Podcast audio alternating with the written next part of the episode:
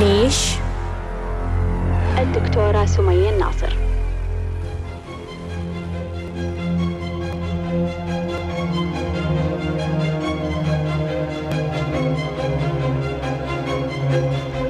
مساء الخير مساء الحب مساء السلام مساء الجمال.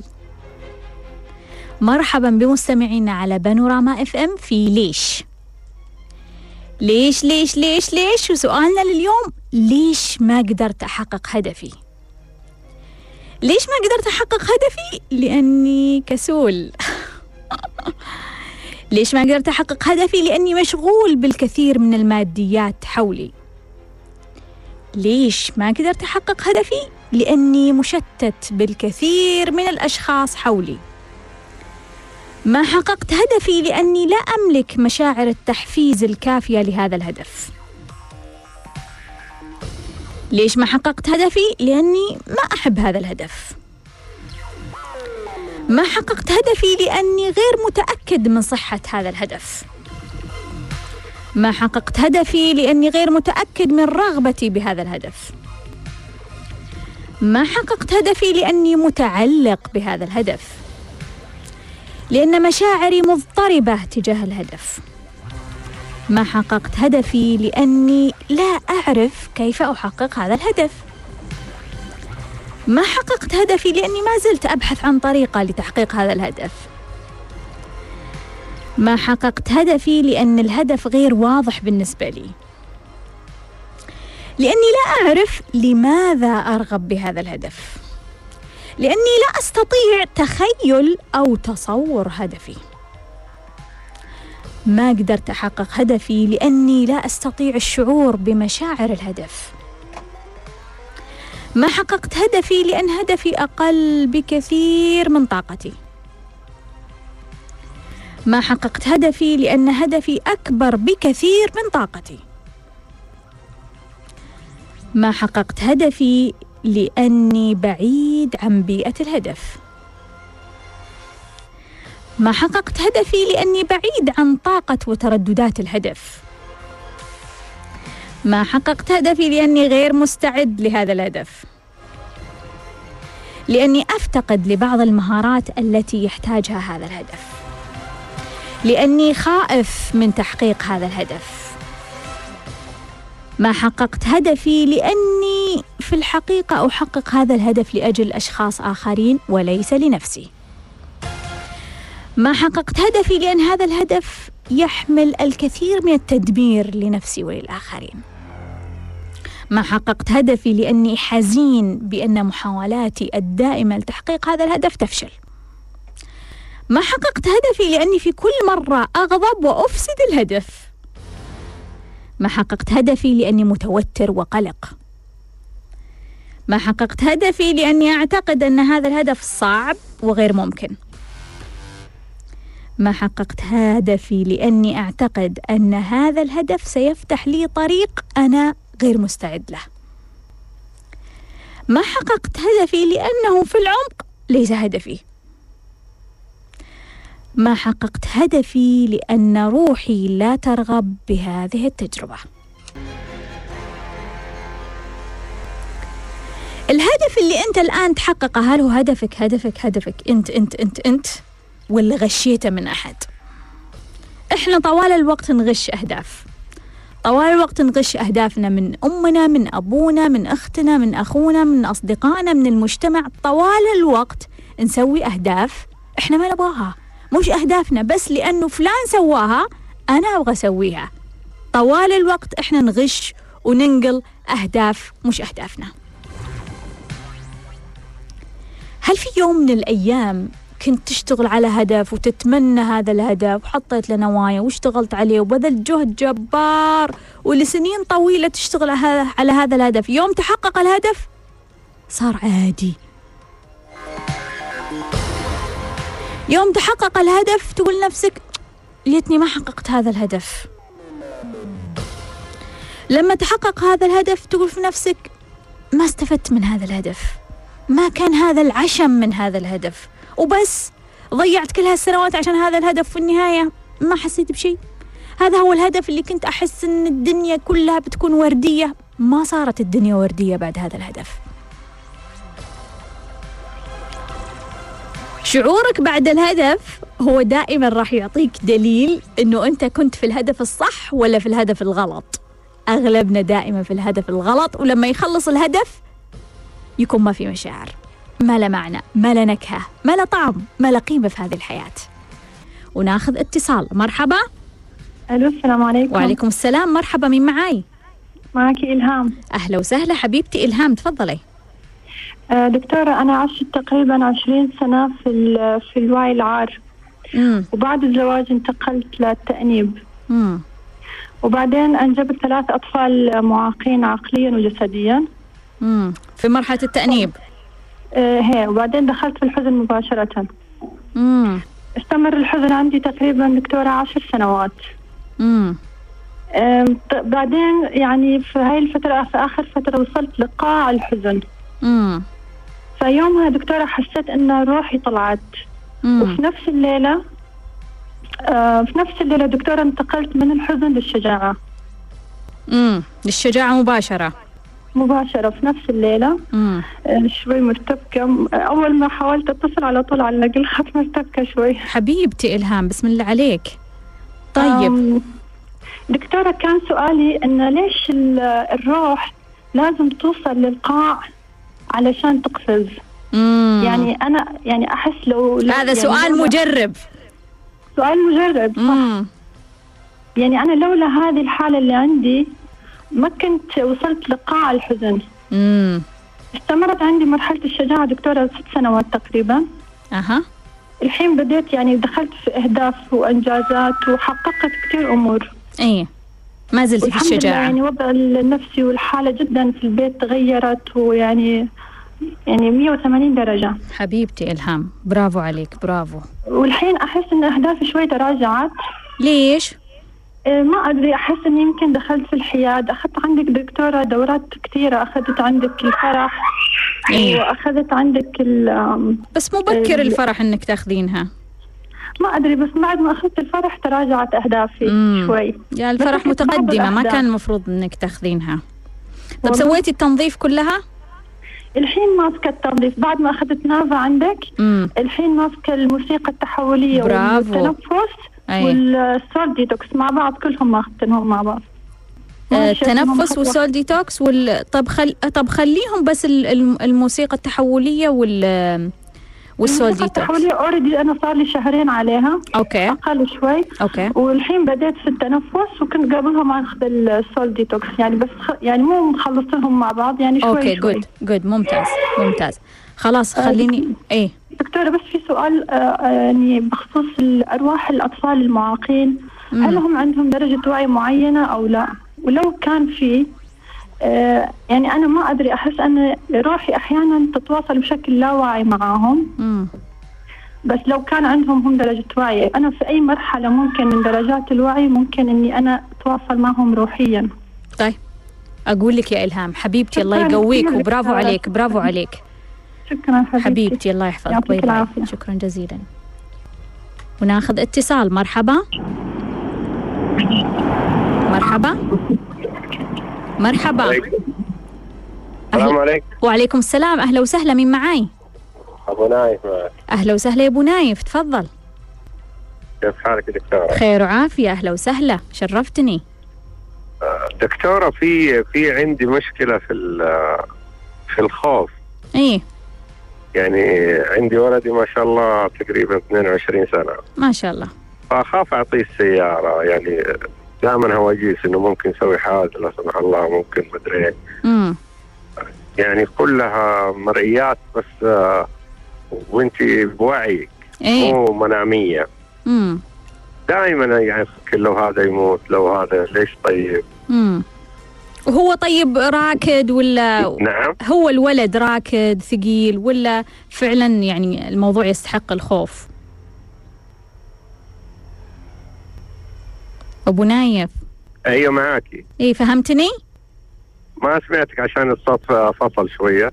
إيه أنا أقول لك ولدك يعني هو يعني يقوم بسلوكيات تخوف ولا هو ولد لا لا راكد و... بالعكس لا بالعكس يعني حتى أخوي يقول لي خلاص اعتمد عليه يعني إيش المشكلة؟ معاه أي. رخصة ومعاه كل شيء. اي ما شاء الله. هي مجرد خوف على الجميع مو بس آه، يعني ولدي ولا الوالد الوالدة الله يحفظ آه على الجميع. الافكار هذه. إيه فهمتك. إيش في لها طريقة الإنسان يتخلص منها؟ وفي النهاية أنت لما تقول ليش أنا خاي... ليش أنا آه خايف اعطيه السيارة عشان يسوي حادث؟ ليش يسوي حادث؟ عشان يموت. يعني في النهاية الخوف من الفقد صح؟ أيوه. ممتاز واضح. أكيد. خلاص يا أبو نايف أجاوبك. شكرا جزيلا. شرفتني. لا ما لا ما. ناخذ اتصال مرحبا. مرحبا.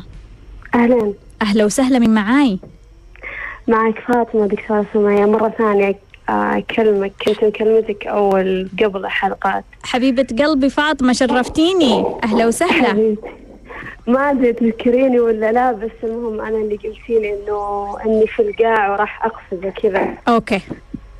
تفضلي الحين سؤالين بالنسبة للأهداف مم. السؤال الأول آه أنا يعني أكون أحط أهداف حق السنة مم.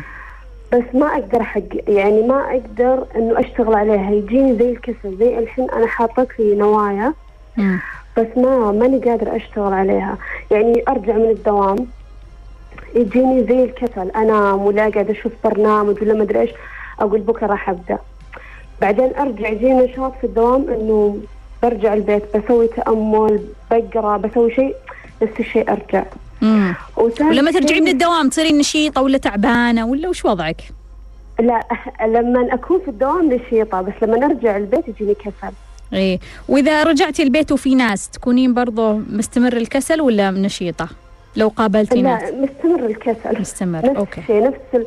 يعني خاصة نظام البيت نفس الشيء كله سبحة على الجوال أو برامج أو كذا. إيه كلهم مسترخين. أيوة يعني ما في أحد واعي في البيت غيري أنا اللي يدور ويبحث وياخذ كتب ويقرأ وكذا. إيه. والسؤال الثاني دكتورة المراقبة في العلاقات. أنا عندي هوس مراقبة يعني سواء علاقة من جنس آخر أو علاقة مع أهلي. إيه دائما أراقب مثلا بالجوال بالسناب شات أراقب وين راحت أراقب وين جات أنا أبغى أبعد عن المراقبة وأحاول أبعد أبعد أبعد بس أرجع مرة ثانية أراقب طيب خلينا نسأل يا فاطمة ليش تراقبين؟ ما أدري لا ما انت أدري. تدرين بس انت بس آه، طلعي الجواب ليش تراقبين؟ والله صراحة ما حاولت أسأل نفسي إنه أنا ليش طيب. أراقب خليني أقول لك طيب يا دكتورة يعطيك حبيبتي. شرفتيني فاطمة. هلا والله. ناخذ اتصال مرحبا. أو علاقة مع أهلي. مرحبا. ألو السلام عليكم. وعليكم السلام. ممكن تسمعيني من التليفون؟ حاضر دكتورة سمية. حبيبتي مين معاي؟ كيف حالك؟ معك رزان. أهلا وسهلا حبيبة قلبي رزان. أنا سعيدة سعيدة سعيدة جدا ممتنة لوجودك يا والله. حبيبتي أهلا وسهلا. شرفتيني رزان. سمي. الله يسعدك. دكتورة أنا عندي سؤال بسيط. أنت قلتي في إحدى الحلقات إنه العقل اللاواعي يحاول يحميك. صح. فيعطيك المشاكل واحدة واحدة امم بحيث تحل الثانية وتنتقل للي بعدها. صح. أنا أحس إني بديت أركز على أهدافي أكثر لكن ظهرت لي مشكلة مع الأهل خصوصا الوالد يعني. آه بالنسبة لي هو مصدر طاقي ومهم جدا. لكن كان تأثيره علي صراحة سلبي طول فترة مراهقتي يمكن وطفولتي. ف يعني فترة قريبة جدا صار بيني وبينه موقف صعب آه، اضطريت إني ألجأ لاستشارة نفسية عشان أحل الموقف لأني أنا وقتها يعني تصرفت تصرف كان جديد علي أنا شخصيتي كانت جديدة على نفسي برضه. على أي مرحلة؟ آه غضب؟ الغضب أوكي وهو هو أحس انصدم أكثر مما كان غضب خاف. صراحة يمكن ها؟ ممكن ممكن مم. إيه وأنا لما شفته كذا صراحة أنا ارتبكت أنا الموضوع يمكن له فوق الشهر الآن طيب وإلى الآن ما انحل الموضوع آه لما رحت الاستشاره نصحتني الدكتورة إنه أحاول أحل الموضوع لكن كل مرة بحاول إني مثلا أفتح الموضوع أو أتخطاه أخاف إني أرجع أنفجر مرة ثانية أو أجرحه أو ف هو انجرح؟ يمكن ما. انجرح هو ساكت بس أنا ما أدري هل هذا السكوت هو صدمة هو آه. خوف هو يعني أنت ما أنا تدرين هو انجرح ولا ما انجرح؟ هو انصدم انصدم أنا متأكدة إنه انصدم بس يمكن لأني أنا يعني أنا ماني صغيرة يمكن عمري 27 سنة بس طول يعني طول فترة مراهقتي وشبابي يعني ما عمري قد رفعت صوتي أو رديت فهذه كانت المرة الأولى وكان انفجار ما مم. كان رد عادي يعني امم امم فالموضوع صراحة أرقني كثير وبنفس الوقت دكتور الغريب أنا بحس كأني كنت مقيدة رجليني كانت مقيدة وكانه واحدة انفكت يعني هذا يمكن أدق تعبير ممكن أوصف حالتي. والثانية كأن الثانية لسه مقيدة أنا ماني عارفة هي مقيدة. ليش أنا جاني هذا الإحساس مم. وليش كثير يعني هذا يمكن أدق وصف أوصف بقول لك ليش. يعني بقول لك ليش. طيب دكتور عندي بس سؤال بسيط برضه سمي. آه هل ممكن حالتي النفسية هذه لما أدخل أنا يعني تسبب لي ربكة في تحقيق أهدافي مع إني أنا أحس في نفس الوقت إني أنا صرت مركزة أكثر؟ صح الموضوع بتعبني نفسيا وصدمني يمكن بس يعني مركزة على أهدافي الصحية مركزة على أهدافي الدراسية أكثر. مم. كأنه جزء كان شاغلني وراح وفي نفس الوقت ما راح. ما أدري شلون. هو طلع على السطح. طلع على السطح مم. إيه بس ما انحل تماما. طيب. أقول لك حبيبتي رزان شكراً. شرفتيني. وناخذ اتصال مرحبا. ألو؟ مرحبا. ألو مرحبا اهلين أهلا وسهلا مين معاي؟ اهلين يا دكتوره اهلين حياك. مين معاي؟ محمد معك محمد. أهلا وسهلا يا محمد شرفتني تفضل. الله يشرفك دارك حياك. الله يسلمك. تفضل يا محمد. بصراحة أنا لي كم يوم كذا متابع برنامجك برنامج جدا ممتاز. أحس إنه واقع وعاجبني جدا. الحمد لله. الله يحييك. بس آه، بصراحة كنت متردد أتصل بس أفا. الموضوع اليوم عن الأهداف. ليش متردد يا محمد؟ يعني تقدر تقولين ما كنت مقتنع في الحوارات هذه. آه مو مقتنع فينا؟ إيه ما كنت. عادي يعني أنت اتصل وعطنا وجهة نظر كل الآراء تحترم. آه، صراحة غيرت رأيي يعني ما شاء الله عن برنامج كل كلامك سليم كل كل كلمة أنت تقولها أنا أحس فيها بجد يعني إنه فعلا الأشياء اللي أنت تقولها كلها حاصلة. الحمد لله. الله يحييك. فموضوع اليوم عن الهدف أنا عندي مشاكل كثيرة بس موضوع الهدف ده صراحة أكبرهم. إيه يعني أنا من قمت ما عندي هدف. ما عندك هدف في الحياة. ما عندي هدف في الحياة ونفسي يكون لي هدف. تبغى ولا ما أعرف تبغى. أبغى أكون لي هدف بس ما عارف أنا إيش يكون هدفي. ما. أعرف أختار هدفي في الحياة. طيب. كل فترة بتجي لي مسارات مختلفة ومتلخبطة. فالوضع مو يعني ما ما أحس إنه هذا هو هدفي. يعني كل مرة أشوف شيء أشوف الناس عندهم أهداف وكذا فما أحس إن أنا ألاقي نفسي في المكان ده. إيه تحس إنك كأنك تقلد الناس.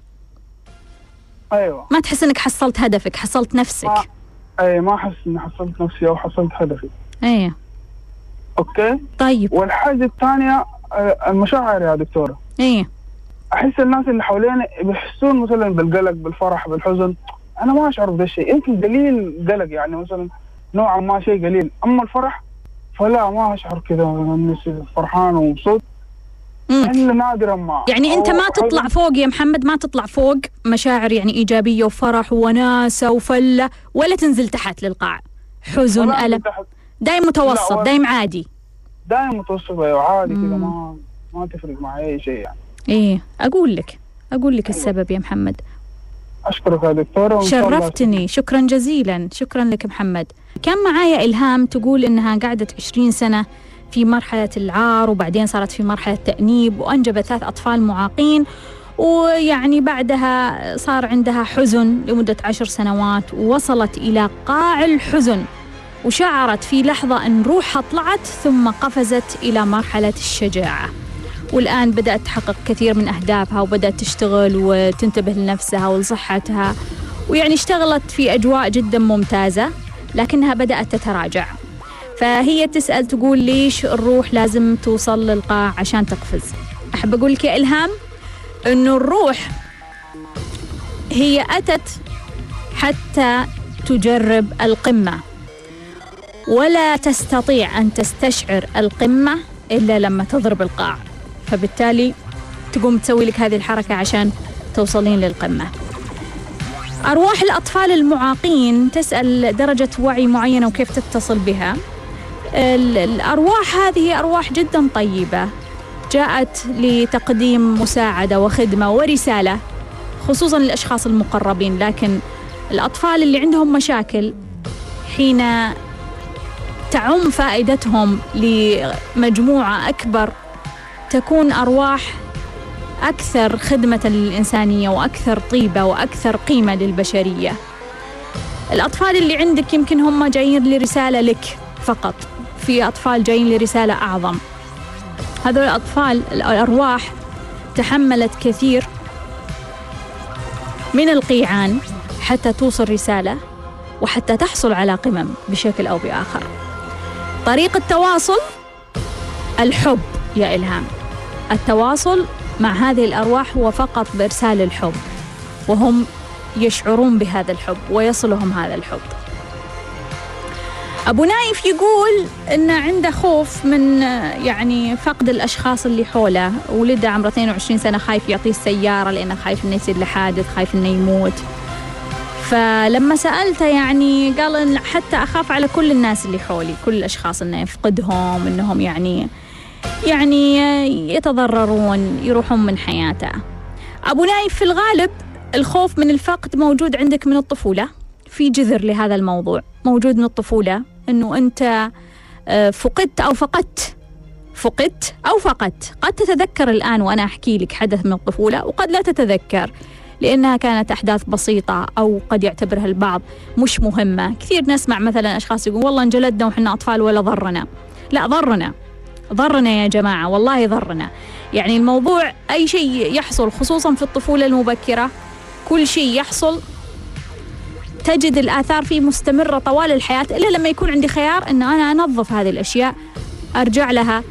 أطلعها للوعي أطلعها من هذا القاع أطلعها من الصندوق الأسود وأطلعها كذا وأتخلص منها أتحرر منها.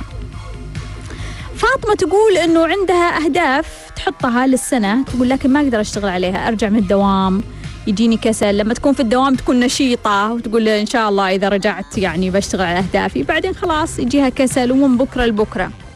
فاطمة على ما يبدو أنه طاقتك أقل من طاقة الأهداف. الأهداف اللي أنت حاطتها كبيرة على طاقتك. أنصحك أنك أنت تخففين الأهداف تخففين طاقة الأهداف مع أنك تختارين أهداف أقل أو أسهل أو أبسط أو طاقتها أقل. برضو عندها مشكلة تقول مراقبة في العلاقات. تراقب الأشخاص اللي حولها تتابعهم في وسائل التواصل في أماكن كثيرة. هي تقول يعني أنا متضايقة من هذا السلوك فكيف أنا أتحرر من هذه المراقبة؟ فاطمة أنا أبغى أقول لك إياها من زاوية الوعي إنه أنت متورطة في آه، اتصالات طاقية مع هذول الأشخاص اللي أنت تراقبينهم لكن في سؤال أعمق إنه أنت لازم تسألين نفسك ليش أنا أراقب؟ ليش أنا أراقب؟ ماذا أريد؟ ما الذي أريد أن أحصل عليه من هذه المراقبة؟ بهالطريقة أسألي نفسك ليش أنا أراقب؟ ما الذي أريد أن أحصل عليه من هذه المراقبة؟ ما الذي أريد أن أحصل عليه من هذه المراقبة؟ كانت معي رزان تقول إنه الوالد مصدر طاقي لها وهي يعني تعرضت لكثير من السلبيات منه في فترة المراهقة والطفولة. ومؤخرا صار بينهم خلاف وصارت عندها ردة فعل مختلفة عما هو تعود عليه. كان في حالة غضب وهو انصدم لأنه يعني ما كان متعود عليها بهذا الشكل. فهي تقول إني رحت للمستشار وحاولت أوجد حل للموضوع. تقول كأني كنت مقيدة. في أحد رجليني واحدة انفكت والثانية ما انفكت. رزان أحب أقول لك أنه أنت تحررتي من مصدر طاقي وباقي لك تحرر آخر. آه، هل يؤثر على أهدافك أنك أنت تستمرين في مرحلة الغضب وتحققين هذه الأهداف؟ من الممكن لكن خليني بقول لك إذا كان الغضب هو القاع. إذا كان الغضب عندنا هو القاع معناها في الغالب راح تكون عندنا قمة يعني تكون عندنا حياد عندنا مشاعر عندنا شجاعة مثلا. يعني أقصد أنه أنت تقدرين تحققين أهدافك لكن في الغالب راح تكون أهدافك بهذا الشكل. فيها قلق فيها توتر يحتاجها محاولات أكثر من مرة فيها صعوبة ثم تتحقق. في الغالب بتكون بهذا الشكل. خيار أنك أنت تحلين مشكلتك مع والدك هو خيار جيد. ما في طريقة نقدر نقول أنها مضمونة لكن على ما يبدو أنه هو تراجع إلى مرحلة الخوف. لما شاف أني وصلت لحالة الغضب فهو تراجع إلى حالة الخوف.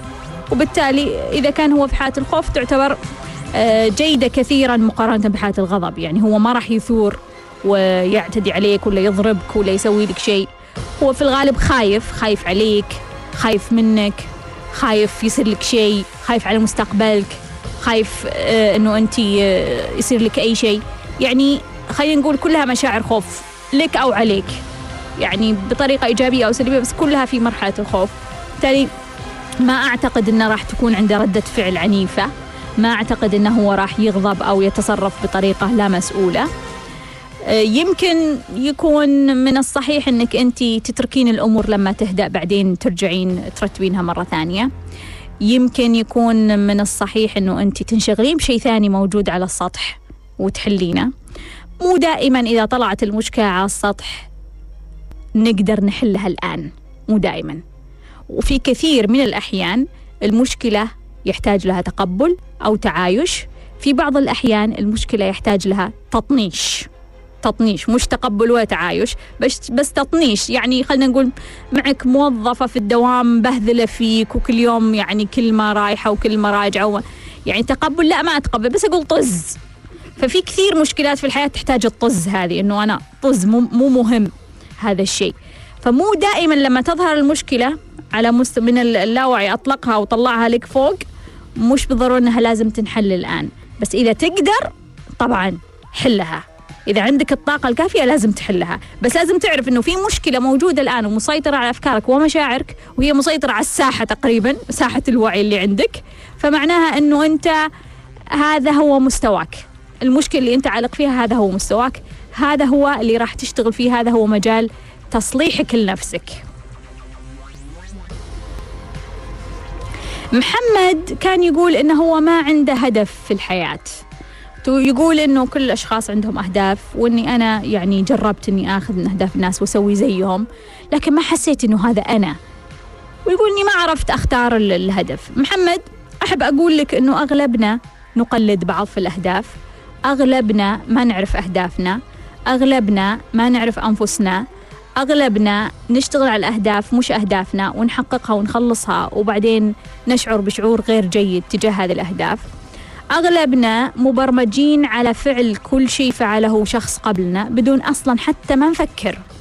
إحنا يعني ندخل المدرسة وأصلا ما لنا رأي في الموضوع نروح للجامعة بدون ما نفكر أبدا نتزوج بدون ما نفكر كأن الموضوع خلاص. يعني هذا هي أصح طريق في الحياة. نجيب أطفال بدون ما نفكر أبدا أنه يصلح ولا ما يصلح. وهكذا. تستمر نتوظف بدون ما نفكر في طريق آخر ولا في طريق.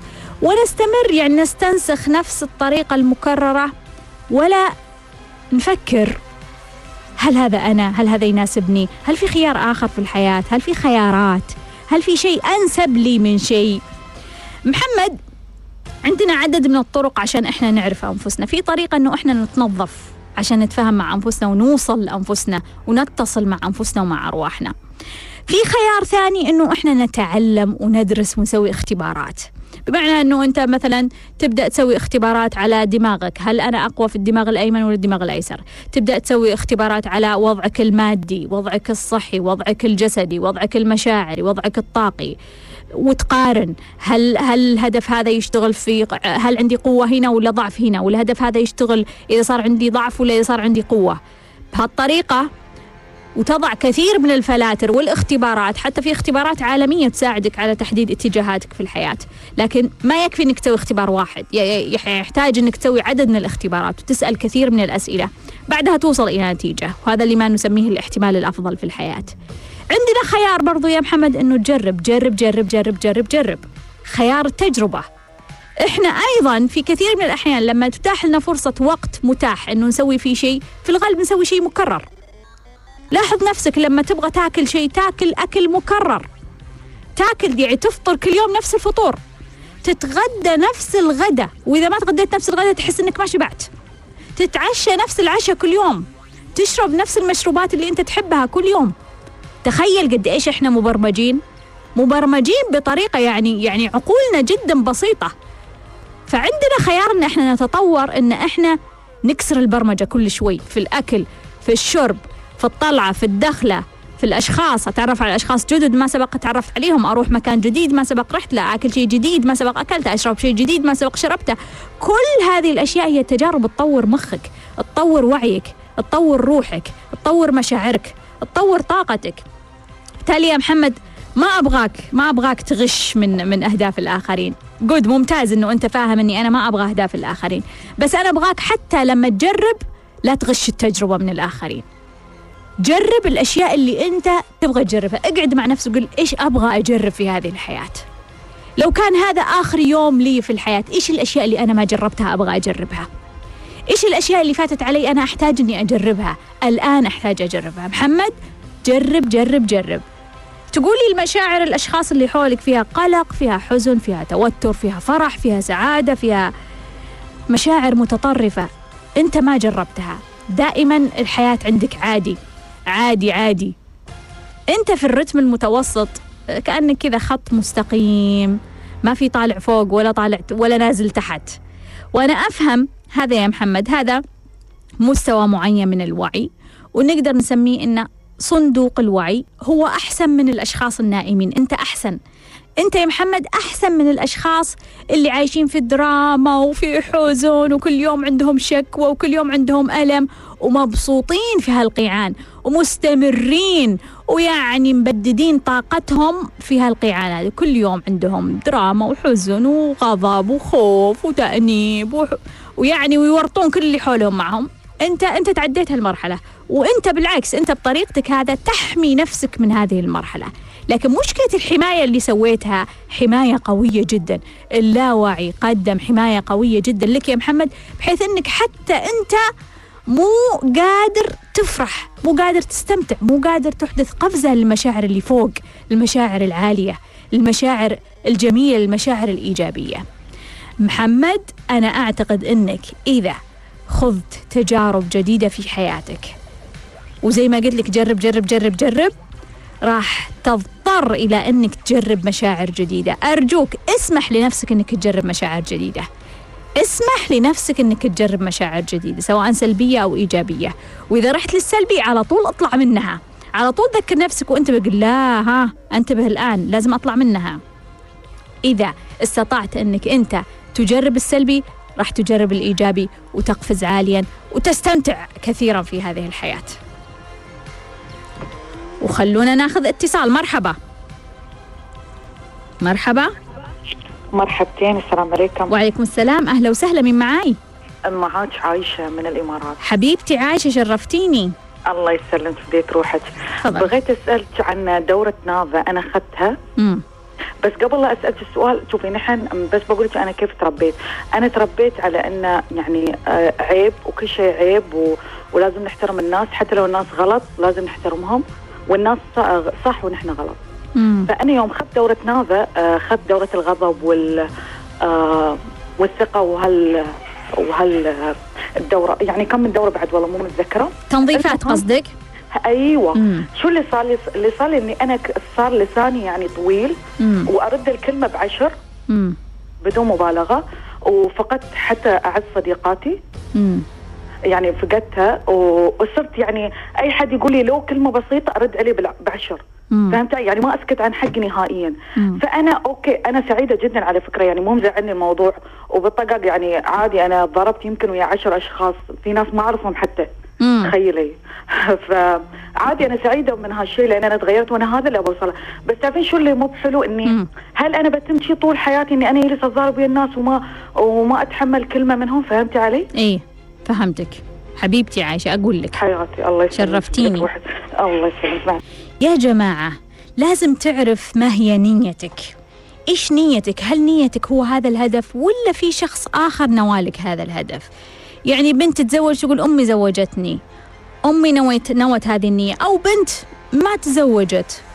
أسألها أقول لها يعني أنت تبغين تتزوجين؟ تقول لك والله ما أدري. أقول لها أمك تبغاك تتزوجي تقول لا والله أمي محتاجتني في البيت. إنها تحتاجني في التمضيف وتحتاج اني هي والله تعبانة تحتاج اني أكون أخدمها وأساعدها. فإذا أمها حاطة نية للبنت إنها ما تتزوج والبنت مو متأكدة إنه الفكرة صحيحة بعدين تقول أنا ليش ما أتزوج؟ ليش ما تزوجي لأنه ما في أحد ناوي نية إنه أنت تتزوجين. ما في أحد مهتم بهذا الهدف أصلا. أيضا أحيانا بعضنا نحط شروط صعبة ومعقدة معقدة عشان تحقيق الهدف. هذا الهدف ما يتحقق إلا إذا صار هذا الهدف وهذا ما يتحقق إلا إذا صار كذا وهذا ما يصير إلا إذا صار كذا.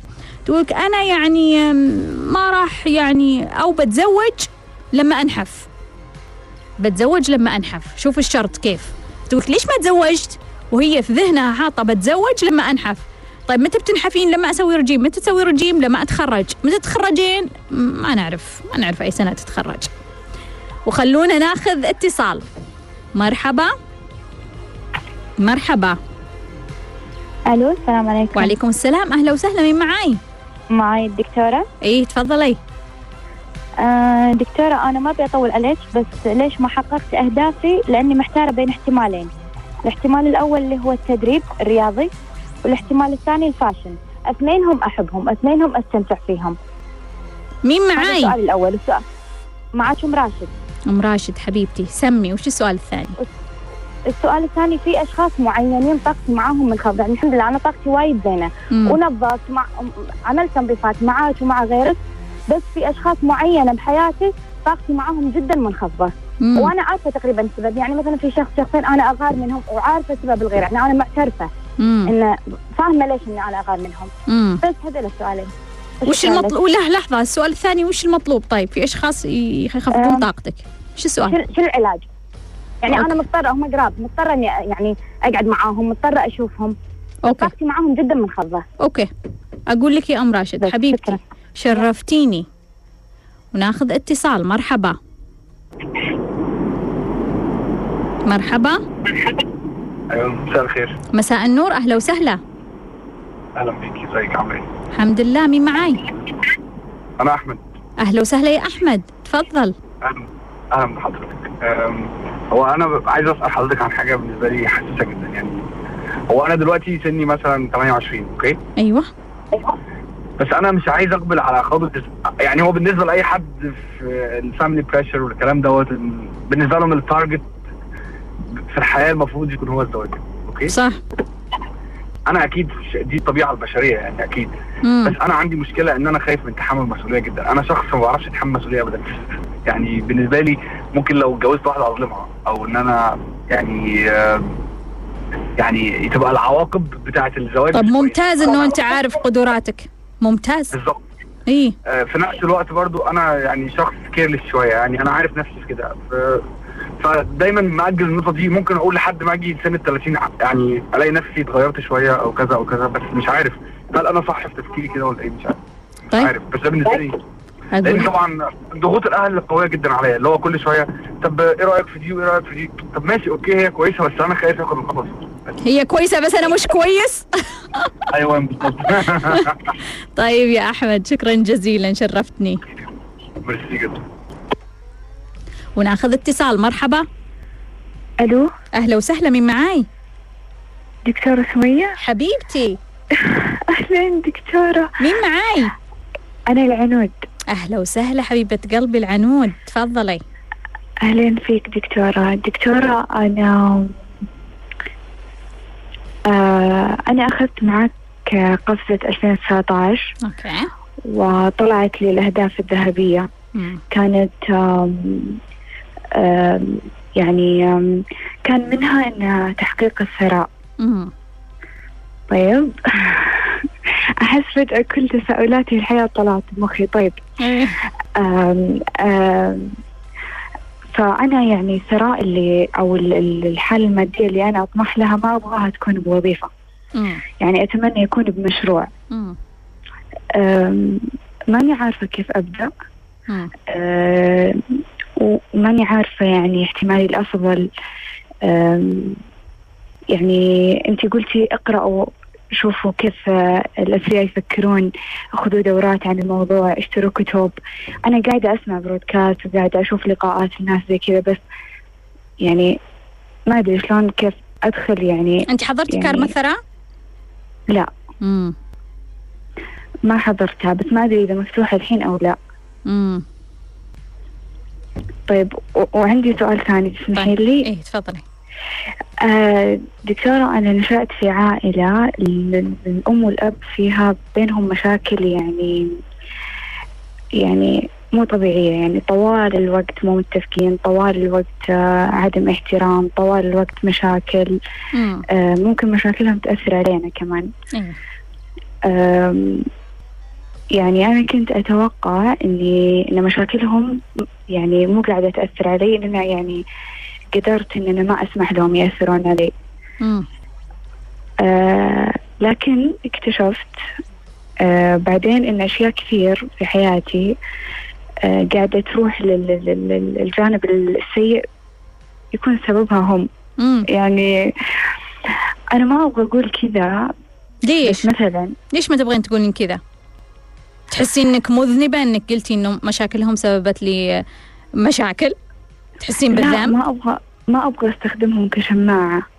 امم يعني مثلا لما أكون في علاقة سيئة اكتشفت إن أنا أصلا دخلت العلاقة السيئة لما صارت بينهم مشكلة وكنت أنا محتاجة مهرب. مثلا زي كذا. okay.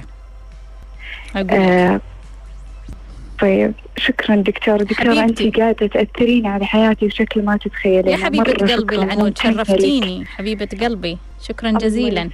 شكرا. bye bye. ناخذ اتصال. مرحبا. مرحبا. معك ندى. أهلا وسهلا حبيبتي ندى تفضلي. آه عندي سؤال. آه، أنا أحيانا آه، ترتفع عندي طاقة الأنوثة بس أنا حابة هذا الشيء. يعني أحس إني أحب نفسي أكثر. وأكون متميزة يعني وأحس إني جذابة. ترتفع عندك لا. طاقة الأنوثة؟ أيوة أحيانا. امم و- وأنا حابة هذا الشيء. امم يعني أحس نفسي متميزة وجذابة. امم المشكلة إنه أصير حساسة بزيادة.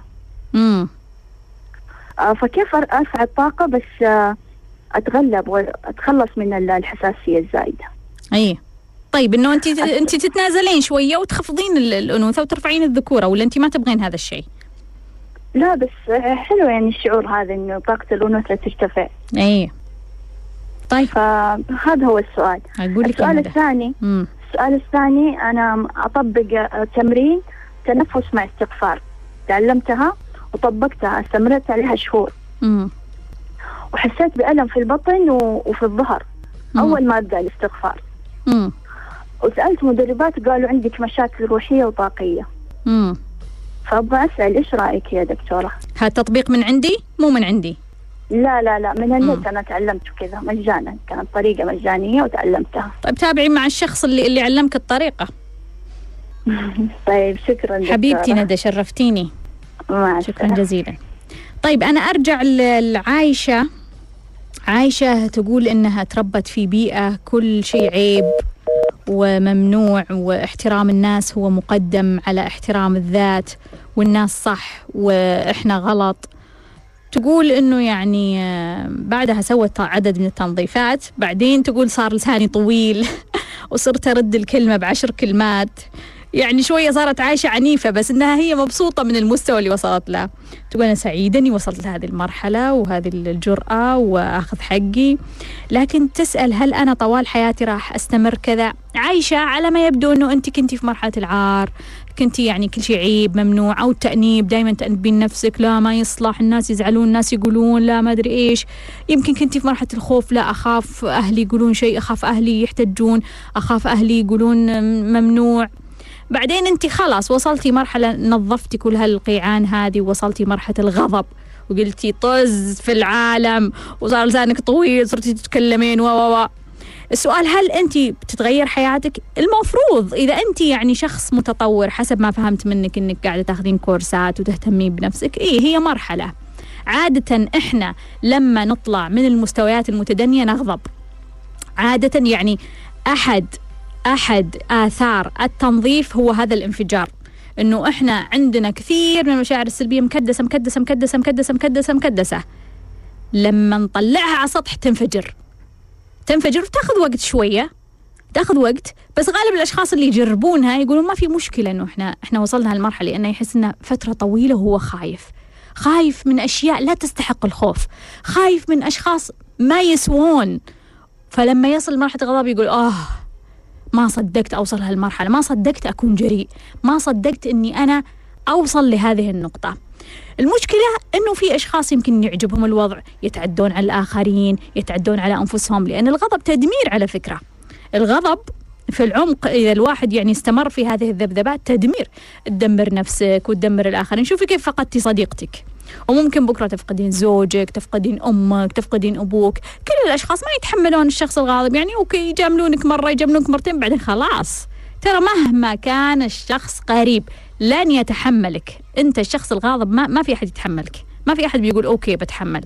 بالتالي فيه مرحلة أقول okay يا عايشة okay تقبلي نفسك إنه أنت غاضبة وأنت قاعدة تاخذين حقوقك وأنت أنت قاعدة ترتبين الملفات لكن استمري في التطور. وأوعدك إذا أنت مستمر على نفس الخط أنت راح يعني تنسين هذه المرحلة تماما أصلا. راح يجي يوم تضحكين على نفسك يعني كيف سويتي هذه الأشياء. بس الآن أنت يعني عيشي المرحلة وراح تنتهين منها قريبا. أم راشد تقول أنا محتارة في هدفي أو أنا ما حققت هدفي لأني محتارة ما بين التدريب الرياضي والفاشن. وتقول كلهم بالنسبة لي احتمال أفضل. أم راشد أحب أقول لك أيهم أسهل.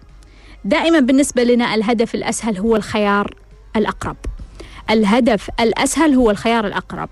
لأن في النهاية في النهاية الأسهل تكلفته أقل. تكلفته أقل على طاقتك على جهدك على وقتك على حياتك. فلما أنت تسويه وتحققه وتوصل له توصل له أسرع ولما توصل نتيجة تقدر تختبره بسرعة. فلما تصل لمرحلة الاختبار تقدر تقول ناسب آه ما ناسب. خلاص سكيب بروح للي بعده. لكن لما تدخل الهدف الأصعب فيكون موضوع كبير وطويل ويحتاج طاقة وجهد دائما اختار الأسهل. وعلى فكرة كثير من الناس يهربون من الأسهل لأنهم يعتبرون أن هذا أقل. لا هذا مش أقل. الأسهل هو الأذكى هو الأقوى بالنسبة لك لأنك أنت تمتلك مهارات تتناسب مع هذا الهدف فيبدو لك أنه أسهل. فيبدو لك إنه اسهل يعني لو قلتي لي يا أم راشد الآن إنه مثلا التدريب الرياضي بالنسبة لك أسهل من ال fashion أبى أقول wow التدريب الرياضي أسهل بالنسبة لي أنا جدا صعب بالنسبة لكثير من الناس صعب. أو ال fashion بتقول والله هذا أسهل أقول صعب بالنسبة لنا إحنا كثير صعب. بالتالي بالنسبة للمهارات اللي تمتلكينها هو سهل. فعشان كذا كثير من الناس يضيعون في هذه ال trick في هذه يعني الفوضى اللي داخل المخ إنه في شيء سهل مرة لا أنا أبغى تحدي أكبر. لا خذ السهل. أحمد يقول عمره 28 سنة ويخاف من تحمل المسؤولية واتخاذ خطوة الزواج لكن أهله يضغطون عليه ويقول هذه حلوة هذه كويسة هذه تنفع. ويقول أوه ماشي البنت هذه كويسة بس أنا أنا يعني مو مو جاهز لهذه الفكرة. فيقول أنا دائما عندي إنه فكرة الزواج مؤجلة. هل هذا صحيح؟ من وجهة نظري يا أحمد صحيح ومية صحيح.